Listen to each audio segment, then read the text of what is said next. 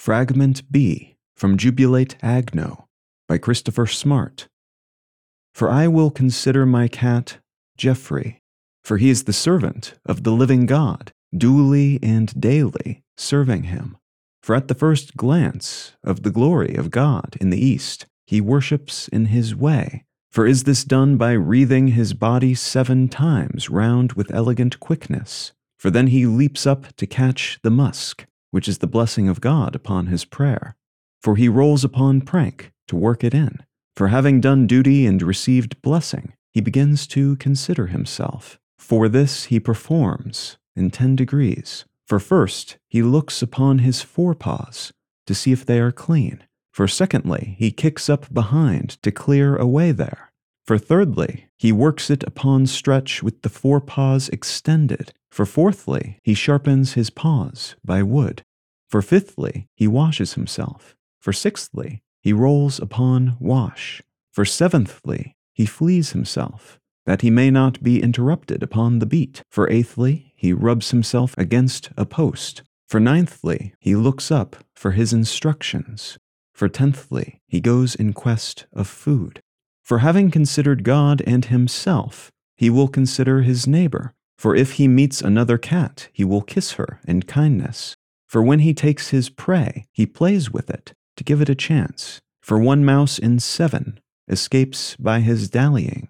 For when his day's work is done, his business more properly begins. For he keeps the Lord's watch in the night against the adversary for he counteracts the powers of darkness by his electrical skin and glaring eyes.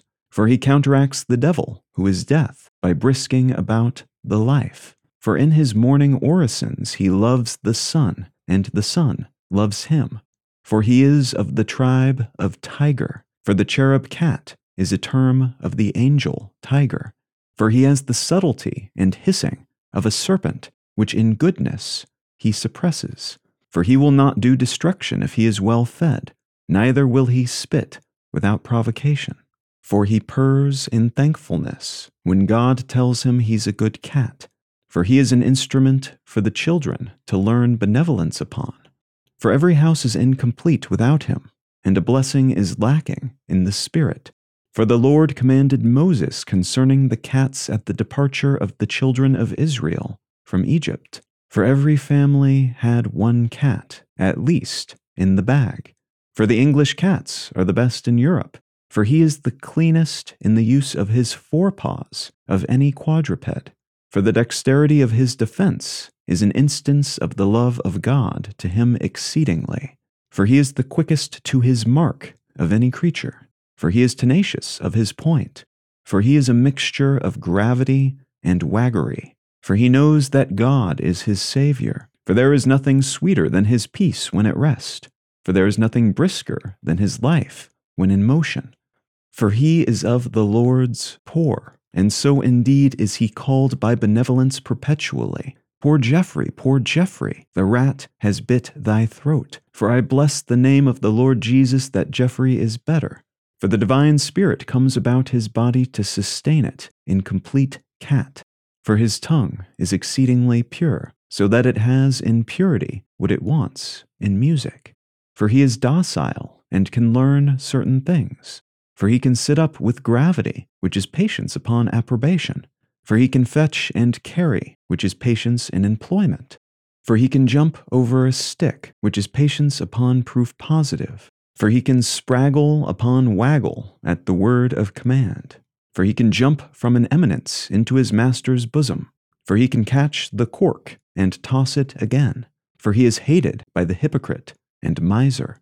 For the former is afraid of detection, for the latter refuses the charge. For he camels his back to bear the first notion of business.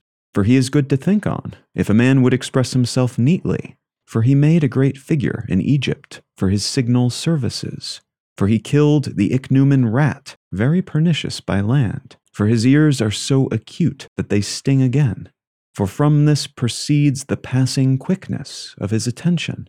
For by stroking him, I have found out electricity. For I perceived God's light about him, both wax and fire. For the electrical fire is the spiritual substance which God sends from heaven to sustain the bodies, both of man and beast. For God has blessed him in the variety of his movements. For though he cannot fly, he is an excellent clamberer. For his motions upon the face of the earth are more than any other quadruped.